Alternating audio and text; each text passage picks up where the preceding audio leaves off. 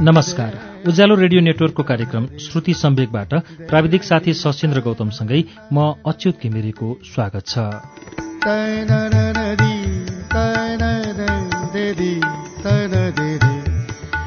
श्रुति सम्वेकको मंगलबारको श्रृङ्खलामा हामी आजदेखि हरिवंश आचार्यको आत्मकथा चिना हराएको मान्छे वाचन गर्न गइरहेका छौं। चिना हराएको मान्छे हामीले आजदेखि हरेक मंगलबार राति सवा नौ बजेदेखि दस बजेसम्म प्रसारण हुने श्रुति सम्वेकमा सुनाउँछौ। चिना हराएको मान्छेमा धेरै भूमिकाहरू पनि छन्। ती भूमिकाहरूमध्ये मदन कृष्ण श्रेष्ठको भूमिकालाई हामीले आजको कार्यक्रममा राख्छौं। मदन कृष्ण श्रेष्ठ र हरिवंश आचार्य नेपालमा महजोडीको रूपमा चिनिनुहुन्छ। मदन कृष्ण श्रेष्ठको भूमिका पछि म हरिवंश आचार्यको चिना हराएको मान्छेमा प्रस्तुत गर्छु। सुरुमा पाइला पाइलामा हरिवंश शीर्षकमा मदन कृष्ण दाईको यो भूमिका।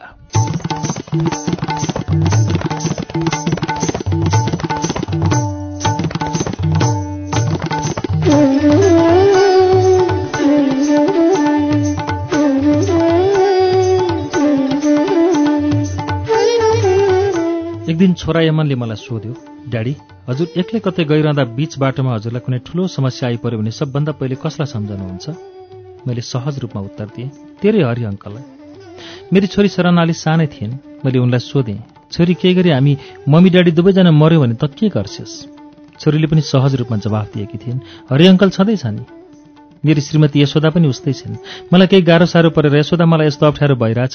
के गरौँ हँ? भनेर सोधे भने उनी सहजै भन्छन्। हरिसँग एकपटक सल्लाह गर्नुहोस् न।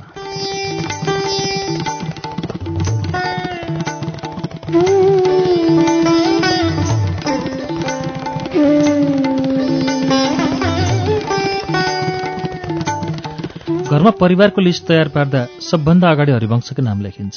मेरा आफन्त नातेदार वा साथीहरूले भोज पार्टीमा बोलाउँदा हरिवंशलाई बोलाएकै हुन्छन्। कुनै सङ्घ संस्था वा सामाजिक कार्यहरूमा संलग्न गराउँदा पनि एकजनालाई मात्र नभई दुवैलाई कुनै न कुनै किसिमले संलग्न गराएकै हुन्छ।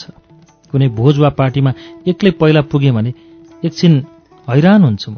सबैले एउटै कुरा सोधिरहेका हुन्छन्। हरिवंशजी खै नि? हरिदाई खै त? एक्लै आउनु भए त्यसरी एक्लै एक्लै आउने हो। सँगै आउनु पर्दैन। हरिवंश नआउन्जेल हरि आउँदैछ। हरि आउँदै होला। आइपुग्नै लाग्यो। आज दुईतिर उस्तै उस्तै काम पर्यो। त्यसैले काम बाँडेर हरि उता गयो। म चाहिँ यता आएको भनेर जवाफ दिएको हुन्छु। एकपल्ट अरू कुनै साथी र म सँगै हिँडिरहँदा बाटोमा आइरहेको एकजना व्यक्तिले मलाई चिनेर ओहो मदनकृष्ण दाई नमस्ते। अनि हरिवंश दाई खोइ नि? भनेर सोधेँ। मैले पनि ऊ के त हरिवंश? भनेर सँगै हिँडिरहेको साथीलाई देखाइदिएँ। ती बटुवाले मेरो कुरा पत्याएर त्यही साथीलाई पो ओहो हरिवंश दाई नमस्ते। हरिदाई र मदन दाई सँगै बसेर एउटा फोटो खिचाउन भनेर त्यो साथी र मेरो बिचमा उभिएर तीनवटा फोटो खिचेर दङ्ग परेर गए। त्यस्तै एकपल्ट हरिवंशसँग हिँडिरहेको अरू कुनै व्यक्तिलाई म भन्ठानेर ओहो मदन दाई नमस्ते भनेर मजाले कुरा गरेर गयो अरे।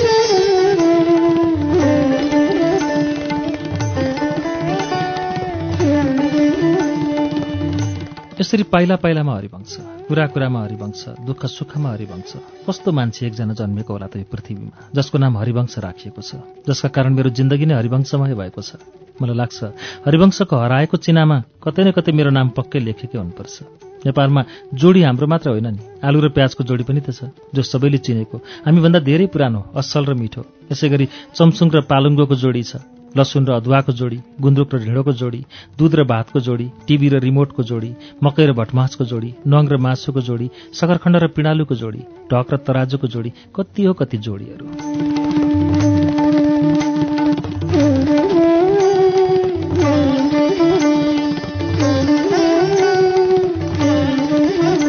ती जोडीहरूलाई चाहिँ कसैले केही नसोध्ने? हामीलाई मात्र किन अनेक प्रश्न? उनीहरूलाई पनि त ओहो आलु प्याज खोइ नि भनेर सोधे हुन्थ्यो नि। सायद यी सबै जोडीहरूलाई हामीलाई मात्र होइन बच्चादेखि बुढा व्यापारी उद्योगपति वैज्ञानिक विद्यार्थी विभिन्न पेसाकर्मी नेपालका व्यक्तिवादी चरित्र भएका राजनीतिज्ञ लगायत सम्पूर्ण मानव जातिलाई नै मिलेर काम गर्ने हो। मिलेर काम गर्न सिक दुध अर्कै जात हो त भात अर्कै जातको। तर जातीय एकता हुँदा दुध भात कति मिठो हुन्छ? सर्वप्रिय मासु वर्गको त नङ अर्कै वर्गको। वर्गीय एकता राम्रो र शोभनीय हुन्छ। वर्गीय हकितको नाउँमा मासु र नङ छोड्दा अत्यन्त पीडादायी हुन्छ। सकरखण्ड एउटा पार्टीको त पीडालु अर्कै पार्टीको। तर पार्टी पार्टी मिलेर स्वाद बढाउने काम गर्यो भने कति राम्रो र मिठो हुन्छ।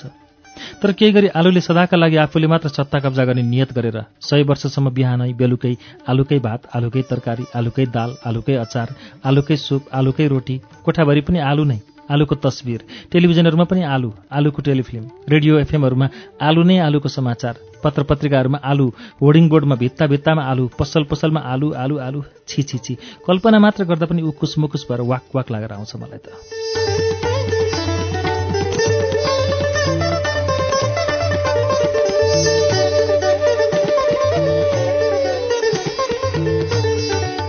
त्यसैले मेरो सल्लाहलाई आफ्नो अन्तरात्माको सल्लाह मान्ने हो भने कुनै पनि आलु प्याज ढक तराजु दुध भात अथवा जोसुकै होस् कसैले पनि भान्सादेखि लिएर सिङ्गै देश सिङ्गै संसार एक्लैले कब्जा गर्ने मूर्ख सोचाइ कदापि नलिउन् र लिएका पनि छैनन् होला। किनभने मानव शरीरमै हेऱ्यो भने पनि जोडी जोडी मिलेर काम गरिरहेका उदाहरण टन्नै छन् जस्तै दुईटा आँखा दुईटा कान नाकका दुईटा प्वाल दुईटा किडनी दुईटा हात दुईटा खुट्टा इत्यादि। यी दुई दुईवटा अङ्गमध्ये एक एकवटा अङ्गले धोका दिए भने कति नमजा हुन्छ। जिउनै पनि गाह्रो र अप्ठ्यारो। वास्तवमा प्रकृतिले हामीलाई दुई अथवा दुईभन्दा बढी मिलेरै काम गर जसमा सबैको भलाइ छ भनेर सिकाइरहेको छ। तर कोही कोहीले आँखा कान हात गोडा दुई दुईवटा भए पनि मुख त एउटै मात्र छ नि भन्लान् फेरि। ठिक छ प्रकृतिले सब कुरा मिलाएको छ। मुख एउटै मात्र हुनुपर्छ। आँखा कान हात गोडा सबै मिलेर सोचेका कुराहरूलाई एउटै मुखले बोल्नुपर्छ। दुईटा मुख भयो भने त खराब नेता भइहाल्यो। बन्नु पर्या छैन हामीलाई नेता सेता हामी मन परितन्त्र होइन पूर्ण लोकतन्त्रप्रति विश्वास गर्छौँ।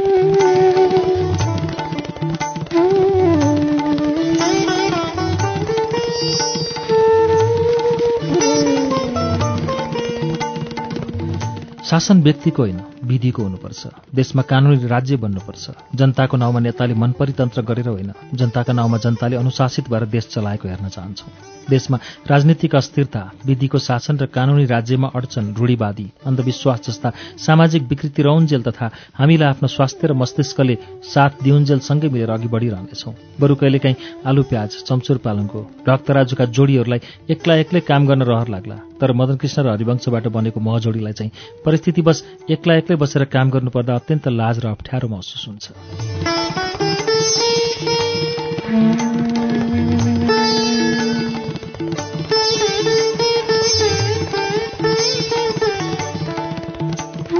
सँगै मिलेर सल्लाह गरी गरी काम गर्यो भने दुवैलाई स्वतन्त्रता महसुस हुन्छ र संसारै सुनौलो तथा रङ्गीन लाग्छ। यिनै हुन् हाम्रो लामो महयात्राका कारण। महयात्राले सधैँ गति लियोस् निरन्तरता पाओस्। सबै नेपाली दाजुभाइ दिदीबहिनीहरूबाट अमूल्य माया र आशीर्वाद पाइरहँ। सबैलाई साधुवाद। चिना हराएको मान्छे भाइ हरिवंशलाई हार्दिक बधाई र शुभकामना। दाई मदन कृष्ण।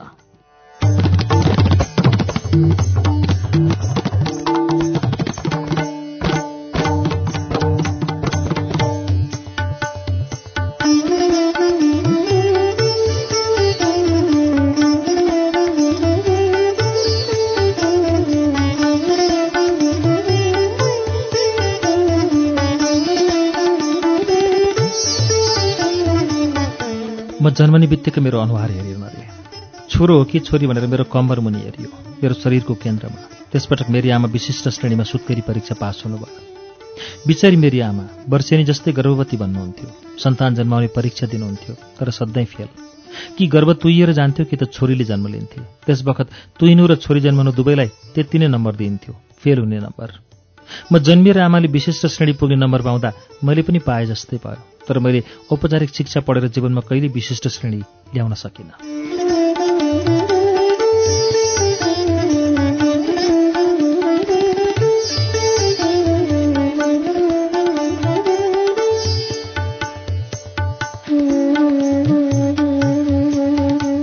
मभन्दा माथि मेरी आमाले पाँचवटी छोरी जन्माउनु भएको थियो।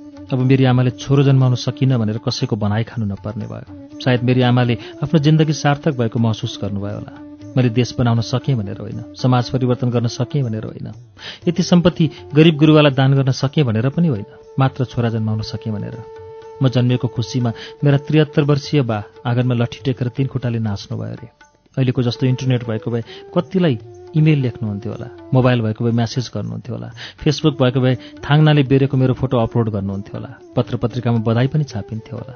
छोरो चाहे गजडी होस् चाहे एक नम्बरको घुसिया होस् चाहे तस्कर होस् चाहे आतंककारी नै किन नहोस् छोरो भनेको छोरै हो। छोरो पाउनेको ठुलो इज्जत छ आजको दिनसम्म पनि हाम्रो समाजमा। त्यतिखेर अहिले जस्तो यातायातको सुविधा पनि थिएन। कति ठाउँमा बा लौरो टेकी टेकी आफै जानुभयो अरे सुत्केर सुनाउन। कति ठाउँमा अरूलाई पठाउनु भयो अरे आफू छोराको बा भएको सुनाउन। छोरीको बाबु त मेरो बा धेरै पटक हुनुभयो तर म जन्मदा छोराको बा हुन पाउनुभयो। छोराको बा हुनु भनेको इज्जतै अर्कै थियो।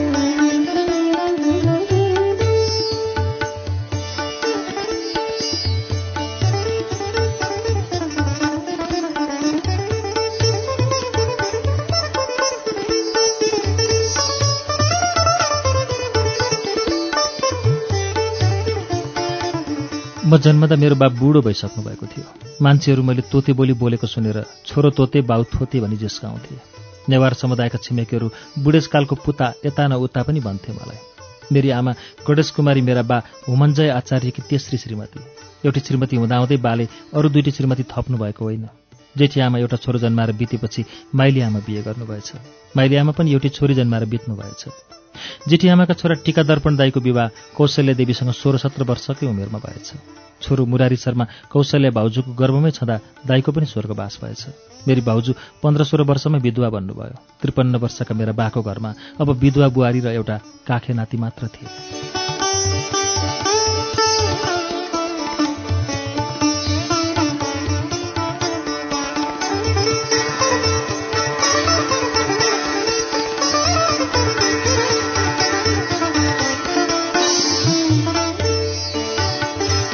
अहिले त उमेरमै छोरो बित्यो भने बुहारीलाई छोरी बनाएर बिहे गरेर पठाइदिएको समाचार पनि बेला बेला पढ्न पाइन्छ। तर त्यस बखत त्यस्तो सोच्नु पनि महापाप हुन्थ्यो। आफूलाई प्रकृतिले दिएको प्रेम बासना रहर आदि सबै चपाएर बस्नुपर्ने बाध्यता हामी कहाँ अझ पनि छँदैछ। बरु सती जाँदा केही बेर पोल्छ तर एक्लो भएर जीवनभर बाँच्नु पर्दा आफ्नै इच्छा र उमेरले सधैँभरि पोल्छ। रङ्गीन जीवनलाई संस्कारका नाममा रङ्गहीन आवरणले छोपेर उराट र सौन्दर्यहीन बनाइन्छ। उसको जीवनमा बाह्रै महिना कृत्रिम शिशिर आउँछ र हिउँ पर्छ। उसलाई जीवनमा बाँच्न चाहिने तापक्रम मात्र दिइन्थ्यो हाँस्न चाहिने होइन। त्यसैले त्यो जीवनले फुल्ने फल्ने कल्पना मात्र गर्न सक्थ्यो तर साँच्चै फुल्न फल्न भने होइन।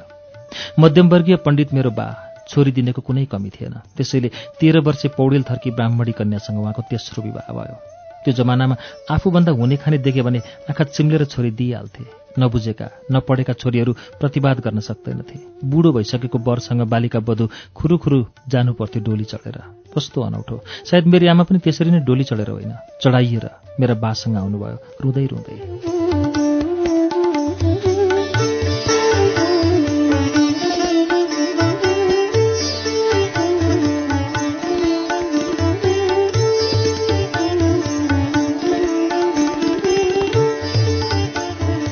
मेरा बाआमाको बिहे नै अनमेल हो। अहिले भएको भए गैर कानुनी हुन्थ्यो। त्यसबेला वृद्ध मान्छेलाई बालिका छोरी बिहे गरेर दियो भने पुण्य हुन्छ भन्ने सम्झन्थे।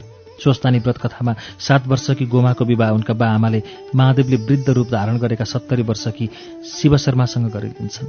मेरा वृद्ध बालाई बालिका आमा कन्यादान दिने मावालीका हजुरबा हजुरआमालाई पनि यसकै प्रभाव परेको हुनसक्छ।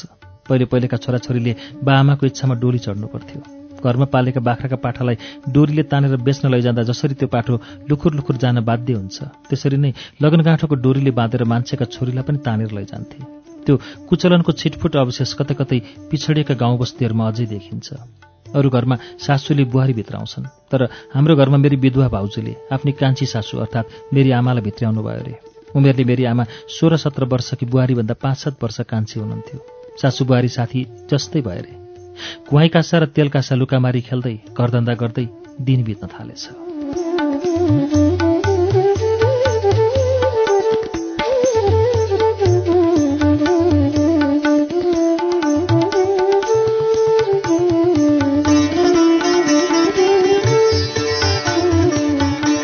मेरी आमाको कोखबाट गायत्री गीता सप्तरूपा गरी लगातार मेरा तीन दिदीहरू जन्मिए। अहिले जस्तो भएको भए पेटको अल्ट्रासाउन्ड गरेर छोरो भए पाल्ने छोरी भए फाल्ने विकृतिको अनुसरण गर्नुहुन्थ्यो होला मेरी आमा पनि। पेटमा आइसकेपछि त्यो बेला फाल्न गाह्रो हुन्थ्यो। देवी देवताको मन्दिरमा गएर हे परमेश्वर छोरै होस् भनेर ढोग्ने बाहेक अरू केही उपाय थिएन। दिनको संयौँले आएर के के माग्छन्? सबैको कुरो सुनेर माग पूरा गर्न के साध्य देवतालाई पनि? पेटमा जे बनेको छ त्यही निस्कने हो। त्यसपछि फेरि मेरी दुई दिदी जानदेवी र बिन्दुको जन्म भयो। बाउजूको छोरो भनेपछि मेरो भतिजो उसको पनि विवाह भयो अरे अनि ऊबाट पनि दुईटी छोरी रन्जु र मन्जुको जन्म भयो। नातामा म उनीहरूको हजुरबा हुन्छु। आफ्नो बाको काका भएपछि नातिनीहरू जन्मिसके म हजुरबा अझै जन्मेको थिइनँ।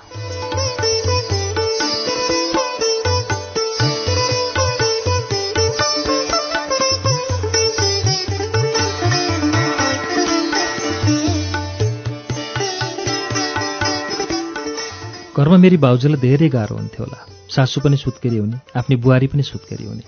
मेरो बा आफू पनि पण्डित अनि अरूले पनि भनेछन् हरिवंश पुराण लगाउनुहोस् छोरो जन्मन्छ। त्यस बेलाको रूढिवादी समाज एउटा छोरो भयो भने स्वर्गको ढोका खुल्छ भन्ने धारणा। कसै कसैले प्याच्छ भने पनि होलान् एउटा छोरो पनि जन्माउन सकेन यो बुढाले। हाम्रो बा हरिवंश पुराण लगाएर भए पनि छोरो जन्माउनु कसिनु भएछ। धन्य पुराणको इज्जत जोगिएछ। संयोगले दुई हजार चौध कार्तिक सत्ताइस गते बिहान मेरो जन्म भयो। हरिवंश पुराण लगाएर जन्मिएको हुनाले मेरो नामै हरिवंश रहन गयो। म जन्मिएको एघार दिनपछि मेरो नाति मुकुन्द पनि जन्मियो। दुवैजना हरिवंश पुराणकै वरदान हो भनी ठानियो। मभन्दा पहिले मुकुन्द जन्मेको भए उसको नाम हरिवंश हुन्थ्यो होला। तर म एघार दिन पहिले जन्मेको हुनाले फर्स्ट कम फर्स्ट भने जस्तो मेरो नाम हरिवंश भयो।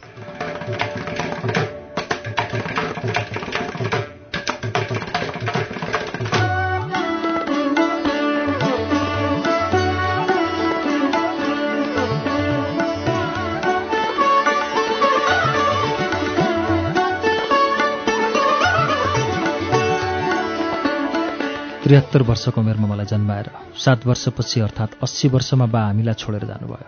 बाले हामीलाई कर्तव्यको जिम्मा लगाउनुको साटो भाग्यको जिम्मा लगाएर जानुभयो। घरको सारा बोझ छोराछोरीको लालन पालन बिहे व्रतबन्ध शिक्षा दीक्षा मेरी विधुवा आमाको काँधमा आइपर्यो मेरी आमाले पाँच छोरी र एक छोराकी आमा मात्र होइन बाको पनि भूमिका निभाउनु पर्यो। नारीलाई प्रकृतिले दिएको सबैभन्दा ठूलो वरदान हो ममता र सहनशीलता। मेरी आमा धरती हुनुभयो। हामी त्यही धरतीमा जन्म्यौँ हुर्कियौँ बढ्यौँ फुल्यौँ फल्यौँ।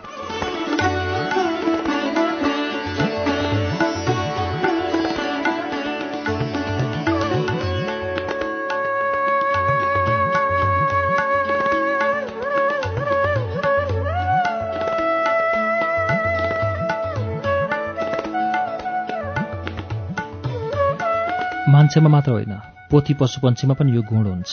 कुकुरले उसका चल्ला कसैले छुन गयो भने हामी जस्तो मान्छेलाई पनि पखेटा फिजाएर ठोङ्न तम्सन्छे कुकुरले उसका छोराछोरी छोयो भने सिधै आएर जम्टन्छे भाले पशुपन्छी कहाँ हुन्छन् कहाँ? सायद त्यो बेलामा अर्कै पोथीको खोजीमा हुन्छन्। संसारका जुनसुकै पोथी प्राणीले आफ्नो सन्तानलाई पुरुषले भन्दा बढी माया र संरक्षण गर्छन्। यही पोथी जातिको मायाले संसार अडेको छ चलेको छ। हुन त कहीँ कहीँ जलेको पनि छ। भालेले सबैभन्दा धेरै माया पोथीलाई गर्छ। त्यसमा मान्छे जनावर चराचुरुङ्गी किरा फट्याङ्ग्रा सबै पर्छन् तर पोथीले सबैभन्दा बढी माया आफ्ना छोराछोरीलाई गर्छ। त्यसमा पनि मान्छे जनावर चराचुरुङ्गी किरा फट्याङ्ग्रा सबै पर्छन्। सन्तान भनेको आमाको आफ्नै शरीरको रस रसाएर बनेको सजीव मांसपिण्ड हो। जो आमाको शरीरबाट दस महिनापछि छुट्टिएर अलग हुन्छ। पत्नीले पतिलाई किन माया गर्छ त? नारीमा त्यसै पनि करुणा भावको मात्रा धेरै हुन्छ। नारीले पुरुषको तुलनामा जगतलाई नै धेरै माया गर्छ। त्यसमाथि पति भनेको उसको जीवनसाथी हो प्रेमी हो।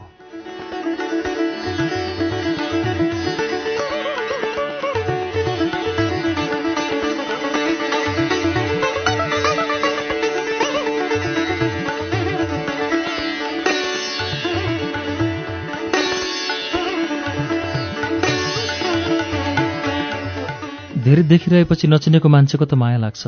सधैँ सँगै उठ्ने सुत्ने खाने हिँड्ने जीवनका हर इच्छा एकसाथ मिलेर पूरा गर्ने अनि आफूलाई माया गर्नेको माया लाग्नु स्वाभाविक हो। त्यसमाथि पति भनेको नारीको गहना भनिन्छ इज्जत र सुरक्षा मानिन्छ। पति भएन भने म दुःख पाउँछु। मेरा सन्तानले दुःख पाउँछन् भन्ने एउटा सानो स्वार्थ पनि रहेको हुन्छ त्यहाँ। त्यसैले कति नारीहरू पतिको थिचोमिचो हेपाइ सहेर पनि बस्न बाध्य हुन्छन्। सन्तानका लागि ऊ सम्झौता गर्न बाध्य हुन्छ। उमेरमै पतिसँग वियोग भए पनि ऊ सन्तानका लागि सबै इच्छा आकाङ्क्षा र जबानी त्यागेर समर्पित भएर बस्छ। हाम्री आमाले पनि कुखुरीले चल्लालाई पकेटाले छोपेर राखे जस्तै गरी ममताले छोपेर राख्नुभयो। पहाडमा अलिअलि खेती थियो त्यही अन्न ल्याउँथ्यौँ। बा पण्डित भएकाले आमा पनि पण्डित नै हुनुभयो। आमा जजमानहरूका आमालाई सँगै लिएर जानुहुन्थ्यो। चाडबाडमा अलिअलि दान दक्षिणा सिधा बकस जम्मा गर्नुहुन्थ्यो। त्यसैबाट हाम्रो भरण पोषण चल्थ्यो।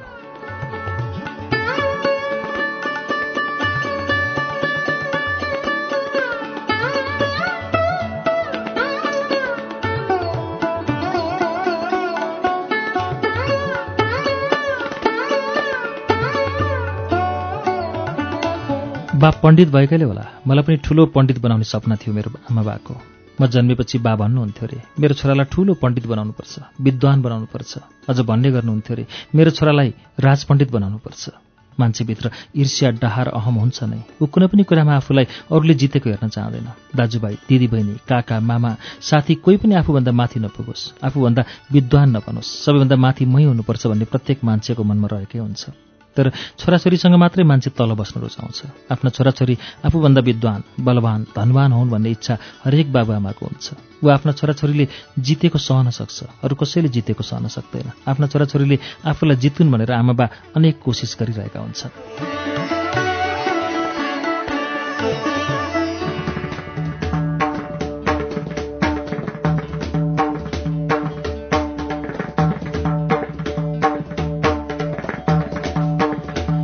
त्यस्तै मेरा बाले पनि छोरो संसारकै सबैभन्दा ठूलो पण्डित होस्।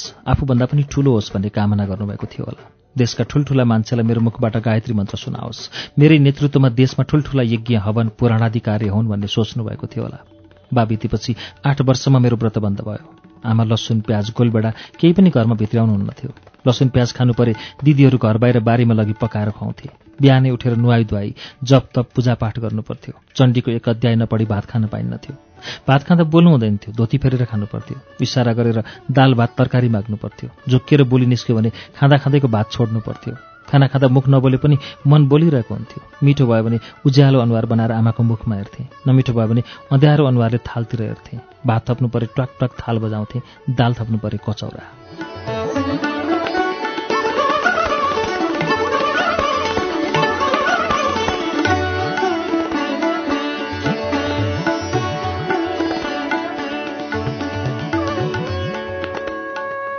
महिनाको एकपटक दुई पाउ मात्र खसीको मासु किन्न सक्ने हाम्रो हैसियत थियो। कुखुरा त बाहुनले छुनु पनि हुँदैन थियो। केही गरेर कुखुरा छोयो भने नुहाउनु पर्थ्यो। मलाई अलिअलि सम्झना छ। हाम्रो घरमा एउटा काले कुकुर थियो। त्यो कुकुरले टोलका कुखुरा मारेर ल्याइदिन्थ्यो। बिहे नगरेका दिदीहरू नातिनीहरू त्यो कुखुरा बारीमा लगेर पकाएर खान्थे र हड्डी चाहिँ त्यही कुकुरलाई दिन्थे।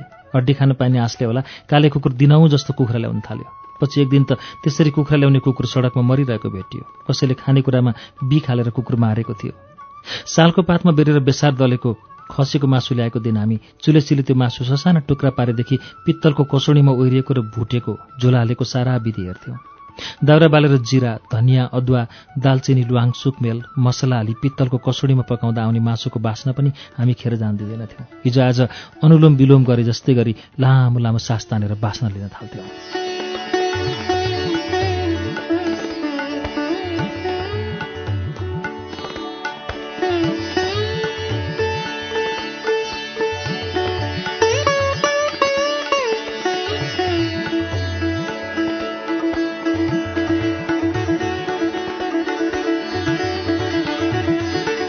यसरी लसुन प्याज केही नहाली पकाएको मासुलाई बाहुनले खाने मासु भनिन्थ्यो त्यो मासु यति स्वादिलो लाग्थ्यो कि भातसँग मुछेर सप्राक सप्राक खाँदा कोइनाबाट चुइन लागेको झोल कोइनासम्मै जिब्रो पुऱ्याएर छाड्थ्यौँ।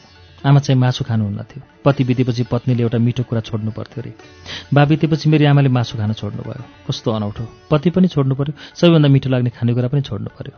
आफूले नखाए पनि हामीलाई महिनाको एकपटक कहिले काहीँ दुई पटक पनि मासु खुवाउनुहुन्थ्यो। हामी मासु खाने दिन गनेर बस्थ्यौँ। आमा मलाई असाध्यै माया गर्नुहुन्थ्यो। म पनि आमा बिना एकछिन बस्न सक्दिनथेँ। तर आमाले मलाई पण्डित बनाउन खोज्नुभएको पटक्कै मन पर्दैन थियो बिहान उठ्ने बित्तिकै पूजापाठ जप तप चण्डी पढ्ने अनि नुहाउनै पर्ने नियम मलाई असाध्यै भारी लाग्थ्यो। पूजा कोठामा गएर एक सय आठ पटक गायत्री मन्त्र जप्थेँ अनि चण्डीपाठ सुरु हुन्थ्यो। प्रत्येक दिन पुस्तकको एक एक पाना च्यात्दै फाल्दै च्यात्दै फाल्दै गर्दा त्यति मोटो चण्डीको पुस्तक दुब्लाएर मरण च्यासे भएको थियो। त्यो बेलाको म जस्तै। म यस्तो पाठसाठ गर्दिनँ भन्न पनि डर लाग्थ्यो। एक दिन त आमाले चण्डीको पुस्तकको पाना च्यात्ता च्यात्दैको मलाई देख्नुभयो र किताब दुब्लाएको कारण पनि भेट्नुभयो अनि मलाई गाल्लै गालामा पिट्नुभयो। साथीहरू कोही सरकारी विद्यालयमा पढ्थे कोही मन्टेश्वरीमा कोही चेत भवन ल्याबोरेटोरी स्कुलमा पढ्थे। मलाई चाहिँ आमाले ठमेलका तर्कराज आचार्य गुरु कहाँ संस्कृत पढ्न भर्ना गरिदिनु भयो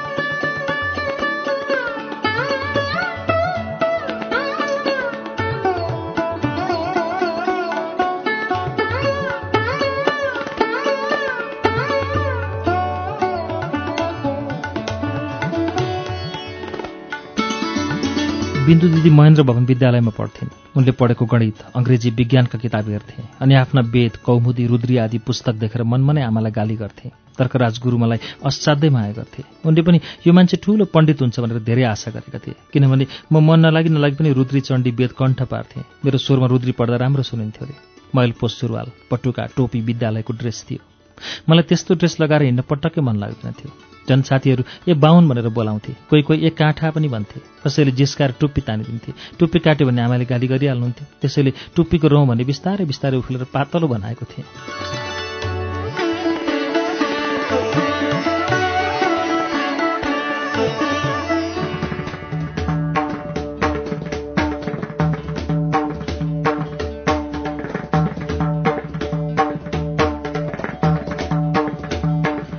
टोलका साथीहरूको नाम राजेन्द्र राज आदित्य मोहन आदि थियो। आफ्नो नाम चाहिँ हरिवंश।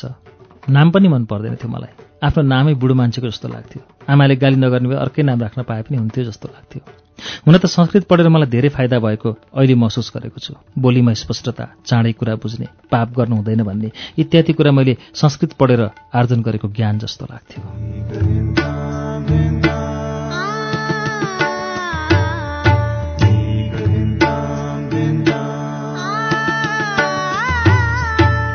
श्रुति सम्वेगमा अहिले तपाईँ हरिवंश आचार्यको आत्मकथा चिना हराएको मान्छे सुन्दै हुनुहुन्छ। यसको पहिलो श्रृङ्खलाको बाँकी अंश वाचन लिएर केही बेरमा आउनेछौ। उज्यालो सुन्दै गर्नुहोला।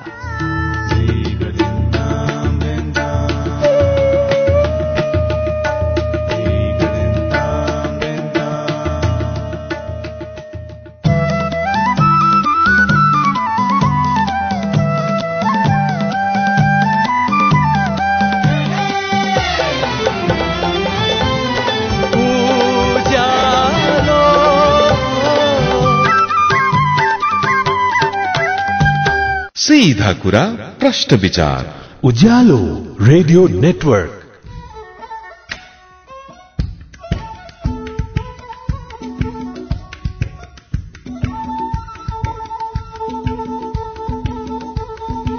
कार्यक्रम श्रुति सम्वेकमा तपाईँलाई फेरि स्वागत छ। श्रुति सम्वेक तपाईँ अहिले उज्यालो रेडियो नेटवर्क काठमाडौँसँगै देशभरिका विभिन्न एफएम स्टेशनहरूबाट एकैसाथ सुनिरहनु भएको छ। श्रुति सम्वेक उज्यालो अनलाइन डट कम र उज्यालोको मोबाइल एप्लिकेशनबाट पनि प्रत्यक्ष अहिले सुनिरहनु भएको छ। श्रुति सम्वेकमा हामी आज हरिवंश आचार्यको चिना हराएको मान्छेको वाचन सुनाइरहेका छौं। पहिलो श्रृङ्खलाको बाँकी अंश वाचन अब हुन्छ।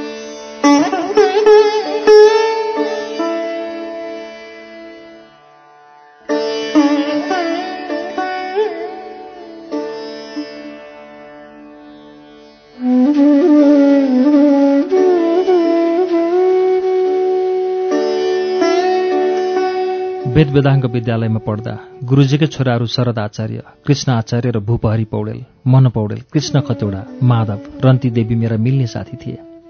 गुरुका छोरा ज्ञानचन्द्र आचार्य अहिले संयुक्त राष्ट्रसङ्घमा नेपालका प्रतिनिधि उपमहासचिव। हामीभन्दा साना थिए। हामी सबै साथीहरू पढ्नमा तेज थियौँ। माधव चाहिँ अति उटुङ्ग्या स्वभावको थियो। ऊ हाँडी गाउँमा बस्थ्यो। म टङ्गाल गैरीधारामा बस्थेँ। विद्यालय हामीसँगै आउजाउ गर्थ्यो। गैरीधाराबाट ठमेलसम्म आउँदा जाँदा ऊ यति हँसाउँथ्यो कि मुक्त हाँसेको खुलेको खुलै हुने। बाटोमा हिँड्ने नचिनेका मान्छेलाई पनि चिने जस्तै गरी कुरा गर्थ्यो। कसै कसैसँग त पाँच दस पैसा पनि फुत्काउँथ्यो। बाटोमा हिँड्ने टुरिस्टहरूसँग नेपाली भाषामा अङ्ग्रेजी जस्तै लवज निकालेर कुरा गर्थ्यो। टुरिस्टहरू अक्कन बक्क भएर सुनिरहन्थे र वाट भन्थे। ऊ भने भोक लागेर आन्द्रा भुँडी प्वाट गिभ मी वान रुपिज भन्थ्यो। कसै कसैले दिन्थे पनि। उसको हाउभाउ देखेर म मरिमरि हाँस्थेँ। माधवको त्यो गुण बिस्तारै बिस्तारै ममा पनि सर्न थाल्यो। म पनि ऊ सँगसँगै लागेर उटुङ्गी गर्न थालेँ।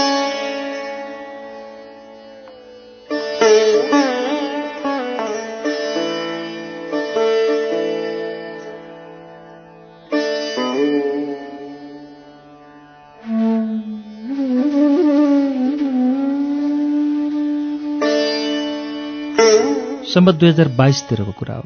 ठमेलमा अहिले काठमाडौँ गेस्ट हाउस भएतिर हामी सँगै पढ्ने साथी मननाथ पौडेलको घर थियो। त्यहाँ ठुलो पाल टाँगेर महायज्ञ लगाइएको थियो। त्यसबेला मलाई पनि वेद पढ्ने बटुक बनाई त्यसै मण्डपमा राखिएको थियो। सात दिनसम्म त्यहीँ खाने बस्ने व्यवस्थासहित। राजा महेन्द्र पनि महायज्ञमा आएका थिए। कहिले राजाको सवारीमा सडकमा बसेर वेद पढ्नुपर्ने कहिले राजाको जन्मदिनमा टुँडी खेलमा वेद पढ्नुपर्ने। मलाई साथीहरूले टुँडी खेलमा वेद पढेको देख्लान् कि भन्ने बडो डर लाग्थ्यो। माधवको सङ्गत चाहिँ साह्रै उपलब्धिपूर्ण रह्यो मेरो लागि। उसँग सिकेको त्यही उटपट्याङ पछि आएर कलामा परिणत भयो। त्यसबेला गाई भएको पित्तलको दस पैसा सिलावरको पाँच पैसा गुराँस भएको सिलावरको एक पैसा निस्केका थिए।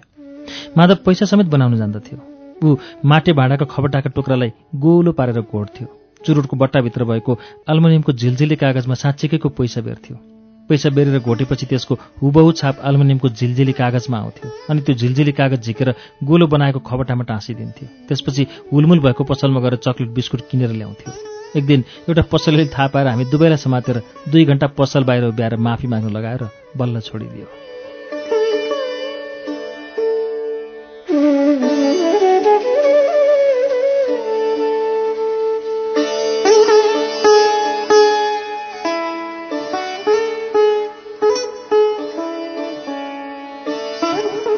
माधव र म दुवैजना घरबाट लगाएर गएको मैल पोस सुरुवाल पटुका टोपी झोलामा हाल्थ्यौँ र सर्ट प्यान्ट लगाएर विद्यालय नगई दिनभरि कहिले टुँडी खेल कहिले सिनेमा हलहरू चाहार्दै हिँड्थ्यौँ।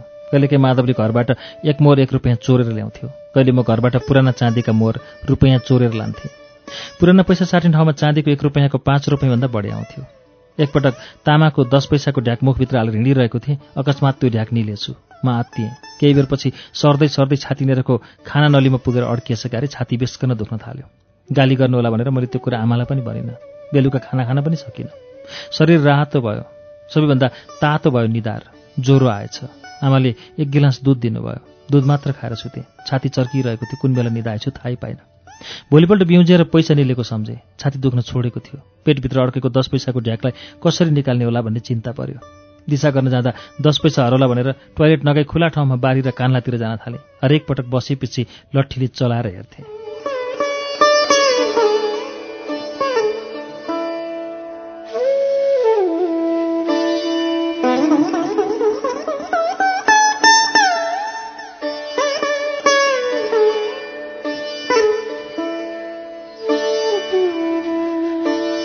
तिन दिनपछि पैसा निस्क्यो। लठीले तानेर नजिकै ल्याएर ट्राकमा पानी ल्याई दुई तिन पटक पखालेर टिपेँ। पेटभित्रबाट निस्केको तामाको दस पैसे ढ्याक टिलिक्क टल्कियो। मैले चरी अमिलो चुक अमिलोले तामाका पूजाबाट माझेको देखेको थिएँ। अमिलोले माझ्दा तामाका भाँडा टिलिक्क टल्कन्छन्। सायद मेरो पेटभित्र भएको एसिडको झोलले त्यो दस पैसाको ढ्याकलाई पेटभित्रै माझेर टलक्क टल्काइदिएछ। मेरो पेटभित्र यात्रा गरेर आएको त्यो दस पैसालाई मैले एकछिन पनि राखिनँ। दुईवटा पुस्तकारी किनेर खाइदिइहालेँ।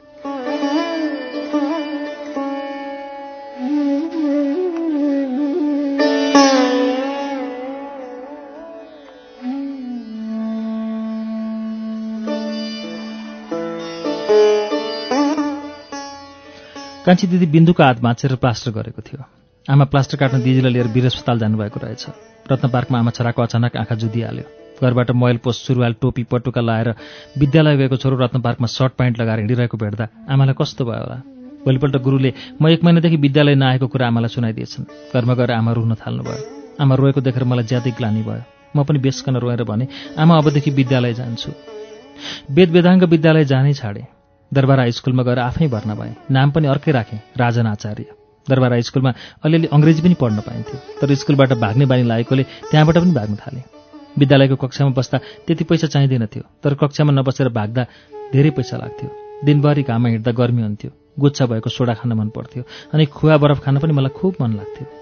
हरिबोल नाम गरेका साथी दिनौँ पैसा लिएर आउँथ्यो। आफूसँग चाहिँ पैसा नहुने। कुरै कुरामा त्यो साथीले एक दिन वचन लगायो। सधैँ मेरो पैसामा मात्र कति खान्छस्? यसो त पनि पैसा लिएर आइज मसँग पैसै हुँदैन के गर्ने? पैसा नभए यसो सामान भए पनि ल्यान म बेचिहाल्छु नि। अब म पनि घरको मैगलमा राखेको काठको बाकसभित्र थैलोमा भएका पुराना चाँदीका मोर दिनको एक एकवटा झिकेर लान थालेँ। हरिबोल र म भएर काठमाडौँ गणेशस्थान निरको पसलमा बेच्थ्यौँ। एक मोरको चार मोर अर्थात् दुई रुपियाँ दिन्थ्यो। दुई रुपियाँ भयो भने त एक दिनलाई छेलो खेलो भइहाल्थ्यो। केही दिनपछि चाँदीको पैसा राखेको थैलो खाली भयो अनि मैले पैसा लान सकिनँ।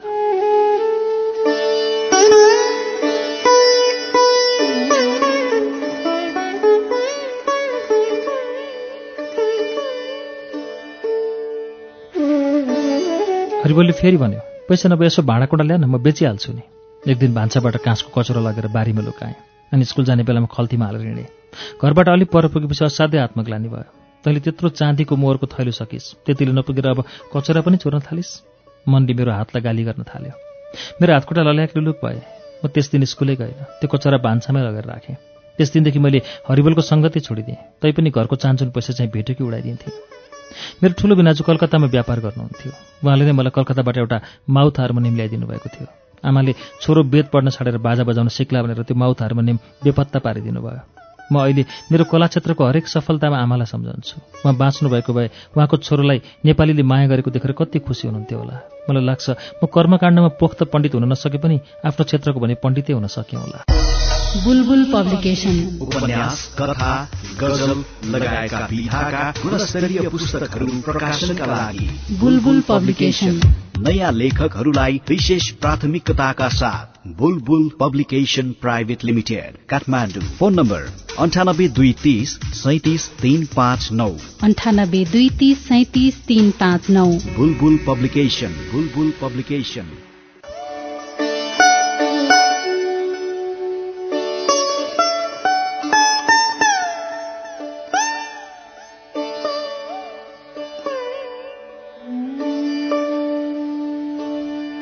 त्यसवखत छुवाछुत र जातीय भेदभावको चलन प्रशस्त थियो। मेरा बुवा आमा पनि जातभात छुवाछुतमा चुर्लुमै डुबेका थिए। म मेरा बुबा आमाको एउटै छोरो त्यो पनि बाबु त्रिहत्तर वर्ष हुँदा हरिवंश पुराण लगाएर जन्मेको। म सानैमा मर्ला भन्ने उहाँहरूलाई ठुलो डर थियो।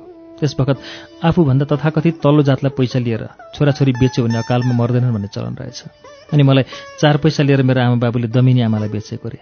त्यसपछि म दमिनी आमाको पनि छोरो भएछु। तिनी दमिनी आमाको छोरो हुन पाएको हुनाले होला। ममा नाचगान गर्ने बाजा बजाउने अभिनय गर्ने क्षमता पसेको। चार पैसामा मलाई किनेकी दमिनी आमाको ग्रहले मलाई दुरन्धर कर्मकाण्डको पण्डित बनाउने मेरा बुबा आमाको सपनालाई जितेछ र म कलाकार हुन पाएँ। मलाई सानैमा दिदीहरूले त दमिनी आमाको छोरो होस् भन्दा दुःख लाग्थ्यो। अचेल भने दमिनी आमाको पनि छोरो हुन पाएकोमा गर्व लाग्छ। जीवनका मेरो आफ्नै घटनाबाट मलाई के महसुस हुन्छ भने हरेक मान्छेलाई प्रकृतिले नै केही न केही सिप दिएर पठाएको हुन्छ। तल्लीन भएर लाग्ने हो भने आफ्नो काममा निपुण भइन्छ। कसैले अलिकति सिक्यो कि हिसाबमा निपुण हुन्छ। कोही मान्छेलाई गीत गाउन सिकाउनै पर्दैन आफै गुनगुनाउन थाल्छ। आफै सुरताल समाउन थाल्छ। कोहीलाई सङ्गीत बजेको सुन्नै हुँदैन कम्मर हलाउन थालिहाल्छ। कोही सानैदेखि कविता लेख्न थाल्छ कोही सानैदेखि नाफा नोक्सानको ख्याल राख्न सक्ने हुन्छ कोही कोही आफै राजनीतिमा चासो राखेर हिँड्न थाल्छ प्रकृतिले दिएको लक्षण आफूले बुझेर त्यसलाई अभ्यास गरेर माझ्नुपर्छ।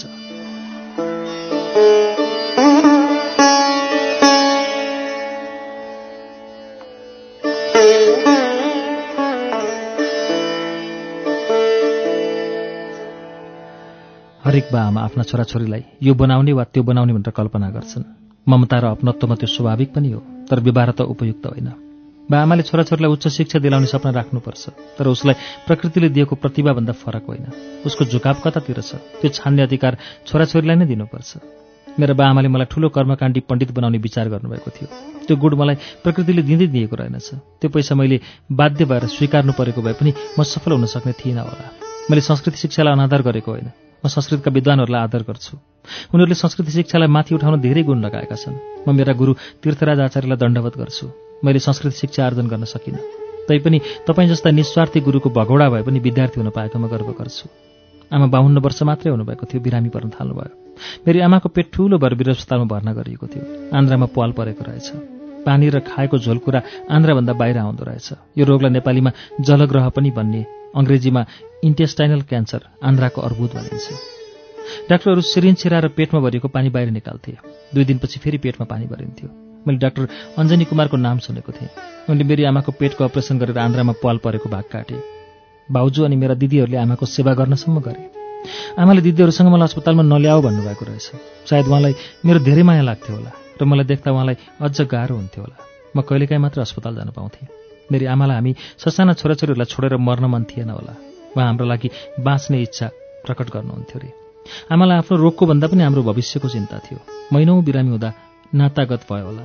के गरेर तागत आउँछ? के गरेर बाँच्न सक्छु? जे गरेर भए पनि मेरा छोराछोरी टुरा टुरी नबनुन् भनेर छटपटाउनुहुन्थ्यो अरे आमा। मासु खायो भने बाँचिन्छ कि? तागत पुग्छ कि भनेर बा बितेपछि छोडेको मासु पनि आमाले फेरि खानुभयो अरे तर उहाँको बाँच्ने इच्छा पुरा भएन। उहाँले खाएको मासु आर्यघाटले धुवाँबाट उडाएर खायो। हाम्रो भाग्यमा टुरा टुरी हुन लेखेकै रहेछ।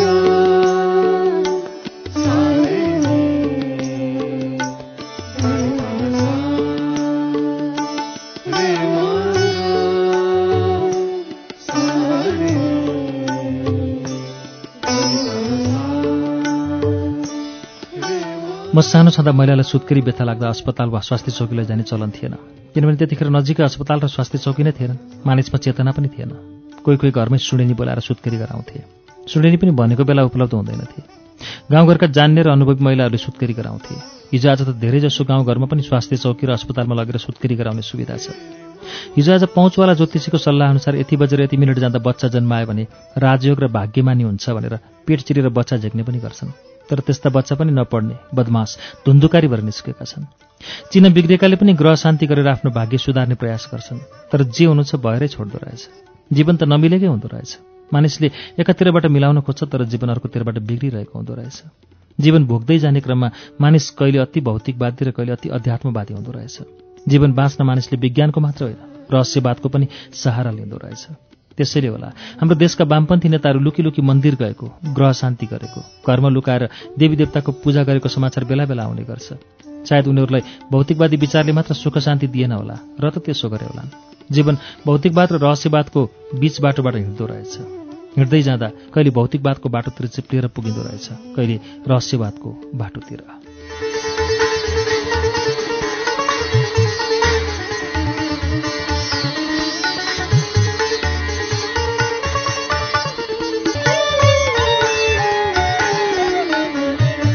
कार्यक्रम श्रुति सम्वेकमा अहिले तपाईँले सुन्नुभएको वाचन हरिवंश आचार्यको चिना हराएको मान्छेको वाचन हो। हरिवंश आचार्यको आत्मकथा चिना हराएको मान्छेको पहिलो श्रृङ्खलाको वाचन हामीले आज यो पुस्तकको अठारौं पृष्ठमा आएर रोकेका छौं। अर्को साता मंगलबारको श्रुति सम्वेगमा फेरि चिना हराएको मान्छेको अर्को श्रृङ्खला वाचन हुनेछ।